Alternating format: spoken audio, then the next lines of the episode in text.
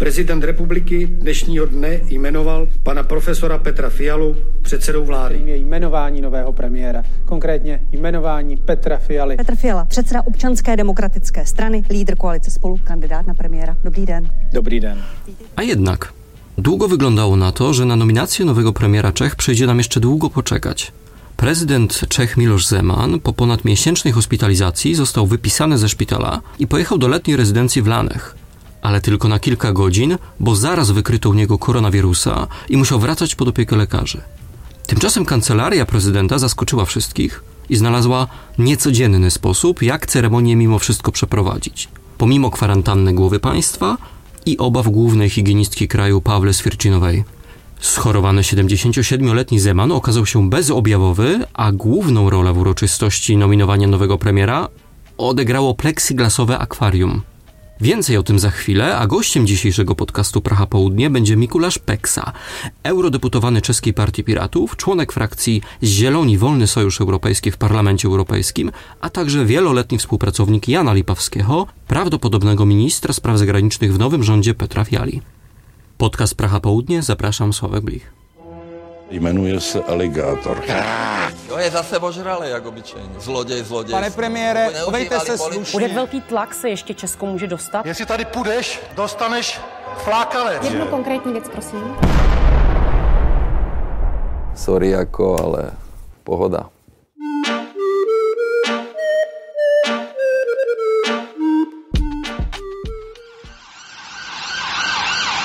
Lůžka znovu rychle plní pacienti s COVID-19. Nová rychle se šířící varianta koronaviru označována jako Omikron. Laboratoř Liberecké nemocnice totiž potvrdila první případ varianty koronaviru zvané Omikron. Kobieta z Liberca, która zachorowała na koronawirusa po przylocie do kraju z wakacji w Namibii, ma potwierdzony wariant Omikron. Jest to pierwszy potwierdzony przypadek tego wariantu w Republice Czeskiej. Liczba hospitalizowanych pacjentów z ciężkim przebiegiem COVID-19 wciąż utrzymuje się powyżej 6 tysięcy, a sytuacja epidemiologiczna w kraju jest skomplikowana. Dobrý den, dámy a pánové. Já jsem přišel na tuto opravdu netypickou tiskovou konferenci dvou premiérů. Epidemia nie zna barier politycznych, mówili na wspólnej konferencji prasowej ustępującej Andrzej Babisz oraz desygnowany na nowego premiera Petr Fiala. Na specjalnie zwołanym w tym celu wydarzeniu wsparli oni krajowy program przyspieszenia szczepień przeciwko COVID-19 i nawoływali do ponadpartyjnego poparcia dla programu szczepień publicznych. Celem akcji jest zaszczepienie miliona osób dawką przypominającą w ciągu zaledwie tygodnia.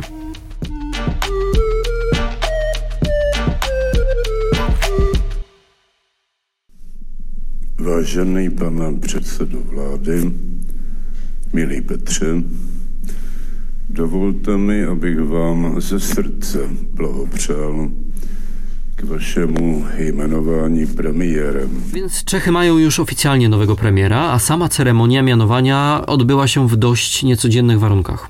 Z powodu zakażenia koronawirusem i obowiązkowej kwarantanny głowa państwa czeskiego nie mogła spotkać się z nikim osobiście. Urzędnicy praskiego hradu głowili się, aż wymyślili sposób, jak z tego kłopotu wybrnąć. Na potrzeby uroczystości na zamku w Pradze zbudowane zostało przezroczyste plexiglasowe akwarium. W jego hermetycznym, zamkniętym wnętrzu na wózku inwalidzkim siedział chory na koronawirusa prezydent Miloš Zeman, a dowiozło go tam dwóch asystentów medycznych odzianych od stóp do głów w kombinezony ochronne. Zamknięty w takiej kabinie Zeman komunikował się ze światem za pośrednictwem systemu mikrofonów i głośników. Wszyscy na sali mieli maseczki i zachowywali od siebie odstęp półtora metra. W takich to okolicznościach prezydent powierzył ostatecznie misję utworzenia nowego rządu Petrowi Fiali. Vážený pane prezidente, věřím v naši dobrou spolupráci a ještě jednou vám děkuji. Scena to zawojowała internet i doczekała się setek memów, e, na których Zeman siedzi w akwarium, w mauzoleum, w niedoręczonej paczce kurierskiej lub jest doktorem Hannibalem Lecterem e, za szklaną ścianą więzienia z thrillera Czerwony Smok. Ale pod tą absurdalną sceną da się też znaleźć coś pozytywnego. Kabina Zemana była taką czeską wersją windy szabatowej, wymyślonej przez praktykujących Żydów, żeby nie trzeba było dotykać żadnych przycisków w czasie szabatu, co w niektórych interpretacjach ortodoksyjnego judaizmu jest zabronione. Dzięki takiej windzie można oddać jednocześnie cześć prawu boskiemu, a jednocześnie zachować zdrowy rozsądek i nie chodzić za wysoko schodami. Czesi tymczasem zbudowali akwarium dla prezydenta kraju, po to, żeby przestrzegać obostrzeń sanitarnych w kraju bardzo mocno dotkniętym pandemią koronawirusa. Mianowanie Fiali poprzedził ponad półtora miesięczny pobyt prezydenta Zemana w szpitalu, gdzie leczył się na bliżej nieokreśloną chorobę. Oczywiście nieokreślona pozostaje ona tylko formalnie, bo według źródeł bliskich konsylium lekarskiemu prezydenta Zeman cierpi na przewlekłą chorobę wątroby. Praski salon plotkuje nawet o tym, że Zeman traci przytomność i jest odwożony do szpitala za każdym razem, jak wbrew zaleceniom lekarzy sięga po alkohol i łamie abstynencję. Że już 7 lat místo becherowki pił slivovici, ale musí mít 51,5%. 51,5? Mm, 50 neberete, jo? Ne, to je to nejlepší, to je ta nejlepší. 50 je příliš mm -hmm. slabá a 53 je příliš silná. Zamiłowanie Zemana do alkoholu jest powszechnie znane i nie jest żadną tajemnicą. Szczególną słabość deklaruje on do czeskich specjałów, śliwowicy i becherowki, czyli likieru ziołowego produkowanego w Karlowych Warech. W filmie dokumentalnym Obywatel Havel z 1996 roku uchwycono nawet jedno ze spotkań Zemana, wówczas szefa socjaldemokratów, z prezydentem Wacławem Hawlem. Pod koniec spotkania Zeman prosi Hawla o jeszcze jednego drinka. Masaryk by ja pozwal pana prezydenta. Mi jeszcze jedną becherowkę na zawier. Czy wie pan, ile becherowki wypiliśmy w autobusie, panie prezydencie? Ten autobus jeździł na dwa paliwa. Olej napędowy i becherowkę. Chwalił się Zeman w nagraniu z 96 roku. Wiecie, kolik becherowek pana prezydenta myśmy wypili w autobusie? Autobus jel na dwie pohonné hmoty, na naftu a na becherowku.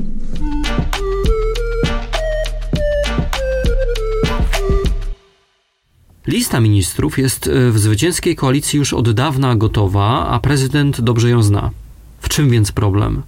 Zeman jednego z ministrów mianować nie chce i zapowiada weto, chociaż czeski porządek prawny nie daje mu żadnej ku temu możliwości. Zgodnie z konstytucją prezydent miałby mianować zgłoszonych przez premiera kandydatów i tyle. Podejrzewam, że kilku ministrów w ogóle nie rozumie ministerstw, którymi mają kierować, ponieważ nigdy się nimi nie zajmowali powiedział prezydent Miloš Zeman o nowym rządzie Petra Fiali w wywiadzie dla telewizji Nowa, pierwszym wystąpieniu głowy państwa od czasu hospitalizacji. Będę tak tolerancyjny, że z dużym prawdopodobieństwem rozszerzę swoje weto tylko na jedną osobę. Nie będzie to osobista niechęć, bo nigdy tej osoby nie widziałem, mówił prezydent, dodając, że nie chce podawać nazwiska tej osoby, ani też resortu, którym miałaby się ona zajmować. A pan Jan Lipavský, poslanec za Piráty, dobrý den. Dobrý den, díky za pozvání. Ale nie jest żadną tajemnicą, że chodzi o Jana Lipawskiego z Partii Piratów, który jest kandydatem zwycięskiej koalicji na stanowisko ministra spraw zagranicznych. Zeman i Lipawski nie znają się osobiście, ale już wcześniej za pośrednictwem mediów toczyli spory dotyczące odmiennych poglądów na politykę zagraniczną, zwłaszcza tę dotyczącą Chin i Rosji, dla których to Zeman jest jednym z najbliższych, najlojalniejszych i najbardziej sprawdzonych sojuszników w całej Europie. Dlaczego Zemanowi tak bardzo przeszkadza Lipawski? Czym się ci politycy różnią w swojej wizji priorytetów czeskiej współpracy międzynarodowej, i co to wszystko oznacza dla Polski? O tym rozmawiam z Mikulaszem Peksą, eurodeputowanym czeskiej Partii Piratów i członkiem frakcji Zielonych Wolnego Sojuszu Europejskiego w Parlamencie Europejskim. Spotkaliśmy się na Karlowo na Mieści, gdzie mieści się siedziba praskiej Partii Piratów. Jakie są konkretne różnice między wizjami polityki zagranicznej Zemana i Lipawskiego? Kdybych měl říct, v čem já vidím ten základní rozdíl, tak je to to, že Piráti vždycky byli jasně vyprofilováni, že my prostě nepodporujeme čínské a ruské Podstawowa różnica między nimi jest taka, że piraci byli zawsze jasno wyprofilowani ideowo. Nigdy nie wspieraliśmy wywrotowych działań chińskich i rosyjskich, ani w Czechach, ani w Europie. Jan Lipawski zawsze twardo się temu sprzeciwiał. Ma bardzo stabilne, przemyślane, zdecydowane prodemokratyczne poglądy w sprawach związanych z prawami człowieka i europejskim bezpieczeństwem. W przypadku Milosza Zemana jest inaczej. On zawsze był skory do pomocy całym zastępom dziwnych polityków związanych z rosyjskim czy chińskim reżimem. Nigdy nie było dla niego problemem, żeby otwierać im drzwi i ułatwiać dostęp do Europy. A mówimy tu o zwierzchniku Sił Zbrojnych Republiki Czeskiej. Człowieku, który miałby być gwarantem jej bezpieczeństwa. Nie ukrywam, że uważam to za dalece problematyczne. To jest jądro tego sporu. Czy godzimy się na bycie rosyjską lub chińską kolonią w Europie? Ale myslím si, že tohle je prostě to jádro sporu. Jestli jsme nebo nejsme ruskou, respektive čínskou kolonií. Piracka strona... Partia Piratów stawia na sojusze liberalnych i demokratycznych państw na całym świecie. Prezydent Zeman zaś występuje regularnie w roli obrońcy rosyjskich interesów w Europie, jak to miało miejsce w przypadku zamachów w Salisbury i wybuchu w składzie amunicji w Wyrbieticich. O co chodzi z tak ostentacyjną skłonnością Zemana do sprzymierzania się z Rosją i z Chinami? Z ruskiem mačinou právě. Tohle je věc, kterou se přiznám, že jsem vlastně vůbec nikdy nepochopil a pevně doufám, že ji jednoho dne od, zodpoví historici. Przyznam się, że to coś, czego sam nigdy nie potrafiłem zrozumieć. Mam nadzieję, że pewnego dnia odpowiedzą na to historycy. A zaczną może od tego, jak zaskakująco szybko po roku 1989 na szczytach czechosłowackiej władzy pojawił się cały szereg członków tzw. Tak Instytutu Prognostycznego Komunistycznej Partii Czechosłowacji. Jego członkami byli celowo dobrani przez partię ekonomiści i eksperci, w tym Zeman, których zadaniem było formułowanie prognoz przyszłego rozwoju społeczeństwa, a zwłaszcza gospodarki. Ludzie ci odnosili aż zaskakujące sukcesy po transformacji. Jak i dlaczego partia komunistyczna tak pieczołowicie kształciła ludzi, którzy przeprowadzali kraj po aksamitnej rewolucji z twardo-stalinistycznej gospodarki do wolnorynkowego kapitalizmu? I dlaczego nigdy potem nie odnaleźliśmy teczek tych ludzi w archiwach STB? Na te pytania jeszcze nikt nie odpowiedział. Twardě stalinistického gospodarskiego systemu k tomu porewolučnímu kapitalizmu. A dotyczą one zarówno poprzedniego prezydenta Wacława Klausa, jak i obecnego, Milosza Zemana. Może jeszcze dożyje dnia, w którym historycy znajdą odpowiedzi. Prezydenta Zemana a já upřímně řečeno čekám, že se snad ještě jednoho dne dožiju toho, že mi historycy zodpoví. Nie zamierzam z Pragi pouczać jakiegokolwiek obcego rządu, jak ma rządzić. Moim zadaniem jest dbanie o Czechy, dostałem do tego mandat od wyborców. Tak powiedział Petr Fiala tygodnikowi Respekt na pytanie o Orbana i Kaczyńskiego. Ale nie tylko on unika krytykowania ich. Jego partia ODS sprzymierzyła się z PiS w Parlamencie Europejskim i jest ideologicznie bliska węgierskiemu Fideszowi. Jaki będzie stosunek nowego rządu do Grupy Wyszehradzkiej? Skuteczny postoj nowej władzy my jsme v minulém volebním, nebo od minulého volebního období startovali s tím, že v minulém volebním období nám vládnul Andrej Babiš, což byl člověk, který nepokrytě Viktora Orbána nazýval svým přítelem. Zacznijmy od tego, że w poprzedniej kadencji Czechami rządził Andrzej Babisz, który otwarcie nazywał Viktora Orbana swoim przyjacielem, a Wyszehradzką Czwórkę traktował jako podstawę swojej siły w polityce zagranicznej. Babisz wybory przegrał. Zwyciężyła koalicja partii, które łączył sprzeciw wobec polityki Babisza. Teraz dostajemy się do nowego etapu. Musimy bardzo dokładnie przedyskutować, co powinno w polityce zagranicznej dziać się dalej. A jasnej zgody co do tego między koalicjantami nie ma. nowego období, ve kterém si budeme muset co se má dít dál a ty pohledy na to, co se má dít dál, samozřejmě můžou být v nějakém smyslu odlišné. Podobnie jak w niemal każdej innej partii rządzącej w dowolnym kraju europejskiej wspólnoty, w naszej koalicji istnieje spór między liberalnym skrzydłem, które reprezentują piraci, a konserwatywnymi nurtami, które reprezentuje zwycięska partia ODS, premiera Fiali. Ta, jak pan zauważył, sama jest partnerem polskiego PiS na poziomie Europarlamentu. Czeka nas ciekawa debata o tym, jak w którą stronę mamy razem iść. To nie jest na dziś rozstrzygnięte. To, co jasne jest, to, że siłą napędową i obrońcami tego liberalnego skrzydła będą piraci. Piráti są České republiky. Wy jste hlasował proti. Pan zagłosował przeciwko przystąpieniu piratów do rządu Fiali. Vstupu piratů do vlády. Jak silny będzie głos ministra spraw zagranicznych w koalicji, w której piraci mają zaledwie cztery mandaty i zawsze mogą zostać przegłosowani? Pro mě osobně obava z tohoto scénáře byla tím asi hlavním důvodem, proč hlasovat vlastně proti vstupu do té koalice. Dla mnie obawa związana z takim scenariuszem była głównym powodem, dla którego sam głosowałem przeciwko przystąpieniu mojej partii do nowego rządu. Uważam, że niezwykle trudno będzie nam w tym rządzie stawać w obronie liberalnych spraw i wiarygodnie wygłaszać liberalne opinie o polityce. Projevovat autenticky liberální názory.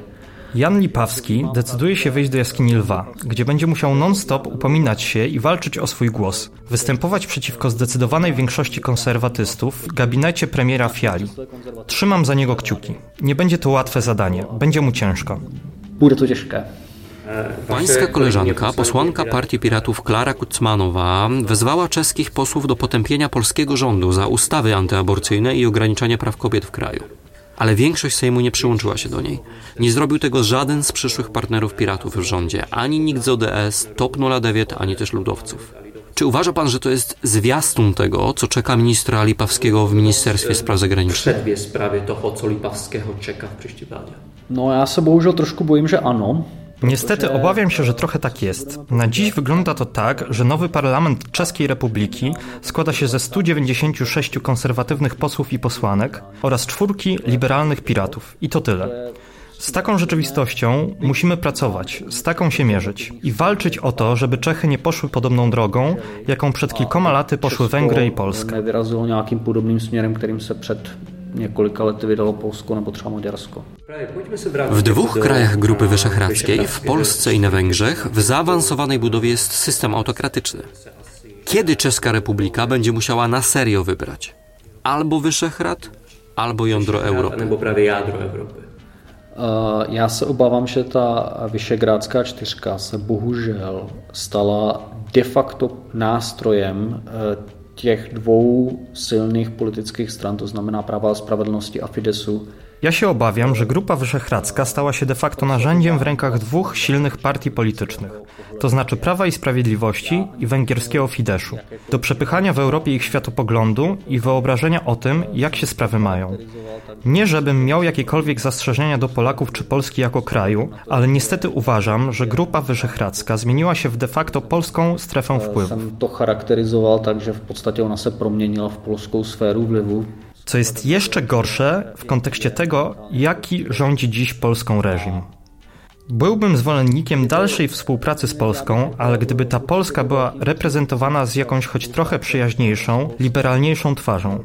Wiem, że wielu takich ludzi w Polsce jest i stanowczo nie zgadza się z tym, co PiS wyprawia z prawami kobiet, mniejszości seksualnych, czy odmawia ludzkiego potraktowania uchodźców w kryzysie na granicy.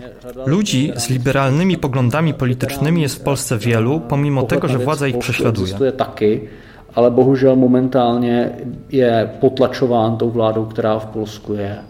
Zielona transformacja, której pan jest wielkim rzecznikiem, może w końcu doprowadzić do podziału na Europę dwóch prędkości bis, na Europę reformatorską dla chętnych oraz europejski ogon przeciwników klimatu czy przeciwników federalizacji, których nie brakuje zresztą w samej partii ODS, nowego premiera Czech Petra Fiali. Jak pańskim zdaniem Republika Czeska pod przywództwem Fiali odpowie na te wyzwania? To nám opět ukážou vlastně až další měsíce a roky. Eh, Zase bych zopakoval to, co eh, vnímáme my jako Piráti. eh, Znowu to nam pokażą dopiero kolejne miesiące i lata. I znowu mogę tylko powtórzyć, jak postrzegamy to my, piraci. Zmiana klimatyczna to coś realnego, coś, co dzieje się przed naszymi oczami. Mamy wystarczająco dużo danych, żeby mieć pewność, że nie chodzi tu o żadne histeryzowanie, lecz o stawienie czoła największemu wyzwaniu współczesności. Wiem o czym mówię, sam jestem z wykształcenia biofizykiem. Wszystkie dane fizyczne, jakie mamy, to potwierdzają. Tak jak pan w takim razie reagował? Co pan czuł, kiedy Petr Fiala, profesor, były rektor Uniwersytetu w Brnie, publicznie podważał wpływ człowieka na zmianę klimatu, twierdząc, że nadal nie ma wystarczającej ilości dowodów, żeby taki wniosek sformułować? Takhle, eh, pan profesor Fiala je profesorem politologie a já v tom, v tom směru nehodlám jakkoliv pochybňovat jeho erudici. Pan profesor Fiala jest profesorem politologii i w tym obszarze nie ośmieliłbym się podważać jego erudycji. Kiedy dyskutujemy jednak o wiedzy o zjawiskach fizykalnych, odważę się powiedzieć, że jako absolwent fizyki chemicznej wiem nieco więcej o gazach cieplarnianych i termodynamice. I konstatuję, że Fiala zwyczajnie nie ma racji. a prostě konstatuji, že nemá pravdu. Nie chcę spekulować, czy Fiala naprawdę wierzył w to, co mówił, czy raczej mówił to pomimo tego, że w to nie wierzył. W każdym razie fakty są takie, że Fiala się myli. To je jeho prohlášení, které vydal a je fakticky nesprávné. Grupa Wyszehradzka jest bardzo sprawna w promowaniu polityki antyimigracyjnej, ale każdy jej kraj członkowski jak dotąd miał w tym swój interes polityczny, w tym Czechy. Nie brakuje głosów, że to właśnie przez antyimigrancką retorykę Babisza piraci te wybory przegrali. Czy nie obawia się pan, że Grupa Wyszehradzka będzie premierowi Fiali nadal potrzebna? I właśnie w tym obszarze wykorzystywania imigracji do celów politycznych. To bude velice záviset na tom, kterým směrem on se vydá a jak se k tomu bude chtít postavit. Wiele będzie zależało od tego, w którą stronę zdecyduje się iść Fiala i jakie zdecyduje się przyjąć stanowisko w koalicji. Ja myślę, że w ogóle nie powinniśmy problemu stawiać tak, czy jesteśmy przeciw, czy za migracją. Migracja była, jest i będzie. I musi ona mieć swoje prawidła i reguły, które muszą być respektowane. One mówią między innymi o tym, że ktoś ma do czegoś prawo, a do czegoś innego nie ma. Przykład. Jeśli człowiek w kryzysie znalazł się na granicy, to ma prawo do złożenia wniosku azylowego i musi otrzymać taką możliwość. Na co, ma prawo. Myslím si, že Petr Fiala... Tak jak pozostali liderzy Wyszehradzkiej Czwórki, Petr Fiala będzie musiał się teraz zdecydować, czy rządzi w państwie prawa, którego składową jest międzynarodowe prawo do azylu, czy też chce to prawo odrzucić. Jeśli odrzuci, to dostaniemy się na ścieżkę z pańskiego pytania. Wtedy Fiala faktycznie będzie potrzebował Grupy Wyszehradzkiej, bo jest ona w tej chwili jedynym instrumentem uprawiania polityki międzynarodowej sprzecznej z zasadami państwa prawa i prawa międzynarodowego. Te polityki, która jest w rozporu z prawnym statem a w rozporu z międzynarodowym prawem. Czy może pan sobie wyobrazić alternatywny scenariusz regionalny, który lepiej służyłby interesom Czeskiej Republiki niż Grupa Wyszehradzka? Já si asi nechci představovat alternativní regionální aliance, spíš alternativní ideové aliance. To, co nám v tuto chvíli funguje. Wolę sobie wyobrażać alternatywne sojusze ideologiczne niż geograficzne. To, co nam dobrze działa w tej chwili, to sojusz wolnych miast Pragi, Warszawy, Budapesztu i Bratysławy. W każdej z tych stolic rządzą liberalni burmistrzowie. Jak widać, i w naszym obszarze geograficznym może funkcjonować liberalny sojusz polityczny wolnych ludzi, który zmierza w zgoła innym kierunku niż tam, gdzie kraje te ciągnie Wyszehrad i obecny garnitur rządzących nimi polityków. Kam tyto cztery země vlastně vede ta současná vládní garnitura? Partie skrajnie prawicowe rozpoczęły współpracę na poziomie Parlamentu Europejskiego. Viktor Orban, Mateusz Morawiecki, Matteo Salvini i kilku innych polityków od pewnego czasu dyskutuje o utworzeniu nowej grupy politycznej w Parlamencie Europejskim. Według źródeł węgierskiego portalu 444hu porozumienie jest blisko i wkrótce zostanie ogłoszone. Co pan sądzi o tej grupie? Jakiemu celowi ona służy? Jaką pełni polityczną funkcję? Jaką ma politickou funkci? Takhle, v první řadě 444HU zase doplnil tu informaci, že tam došlo na poslední chvíli k nějaké roztržce, takže oni jsou teďka zase zpátky v původním stavu a zpátky se handrkují. Na ostatniej prostej między tymi prawicowcami doszło do jakiegoś poważniejszego nieporozumienia i wrócili oni do punktu wyjścia. Sensem tej akcji, tak jak ja ją rozumiem, jest zestawienie agresywnej, ultrakonserwatywnej frakcji, która będzie przepychać swój interes polityczny na przekór reszcie Europy. Taki sojusz miałby być w stanie wywierać wpływ na Komisję Europejską i ograniczać jej interwencje, między innymi w sprawie praworządności.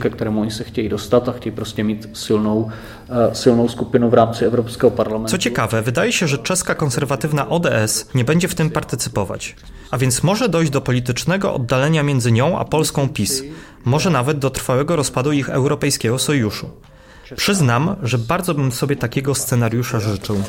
Ale jednocześnie nie mogę wykluczyć, że jednak ODS postanowi w końcu zostać przy PiS i dołączy do tych ultraprawicowych agresorów występujących przeciwko porządkowi prawnemu i prawom człowieka. Tím agresywnym, ultrakonzerwatywnym směrem proti právnímu státu a proti lidským právům. Scenariusze, jak się może ta europejska polityka zaraz poukładać, są otwarte. Z Czechami czy bez w składzie, alians ultrakonserwatystów trzeszczy też z innego powodu przez ich związki z niedemokratycznymi reżimami. Salvini i Orban mają dobre relacje z Kremlem, ale Polacy dzięki swoim historycznym doświadczeniom rozumieją przynajmniej, że Władimir Putin nie będzie największym przyjacielem Polski. Tak nějak asi zřejmě díky historickým polským zkušenostem tuší, že Vladimír Putin nebude úplně nejlepším přítelem Polska. Pomocną dłoń do partii skrajnie prawicowych od długiego czasu wyciąga Kreml. Morawiecki i Salvini chcieliby stworzyć antyimigracyjną koalicję na tyle silną, żeby przełamać wpływy francuskiego prezydenta Emmanuela Macrona czy nowego kanclerza Niemiec Olafa Scholza. Gdzie między tymi siłami jest miejsce dla progresywnych partii politycznych takich jak Piraci? No tak já to řeknu jako předseda Evropských pirátů. My tenhle ten prostor vidíme a my se do tohoto prostoru chceme dostat. My chceme být tou třetí progresivní k tomuhle e, który tady. Jako szef europejskich piratów mogę odpowiedzieć, że my to miejsce widzimy. Chcemy być tą trzecią siłą polityczną, progresywną alternatywą dla tych dwóch dyskursów, o których pan wspomniał w pytaniu. Chcemy zaproponować prawdziwą zmianę politycznego kursu. Piraci są obecnie w kilku parlamentach krajowych. Oprócz Czech m.in. w Luksemburgu, Islandii, w Europejskim Parlamencie jest też pirat z Niemiec. Czeka nas jeszcze wiele pracy, ale widzę na kontynencie wielki popyt na nową politykę, która będzie przeciwwagą dla zatęchłej, agresywnej, nacjonalistycznej retoryki i posunie status quo w pozytywnym, konstruktywnym kierunku. Tomu agresywnemu nacjonalizmu, która ten status quo e, skutečně posune nějakým, ale pozitivním, nějakým konstruktywnym směrem, na jak ta destrukce se to snaží. Komentował szef Europejskiej Partii Piratów Mikulasz Peksa, głosu użyczył Mikołaj Syska, za uwagę dziękuję Sławek Blich. Do usłyszenia podcast Praha Południe. Děkuji moc, děkuji moc za pozvání a poslech všem posluchačům.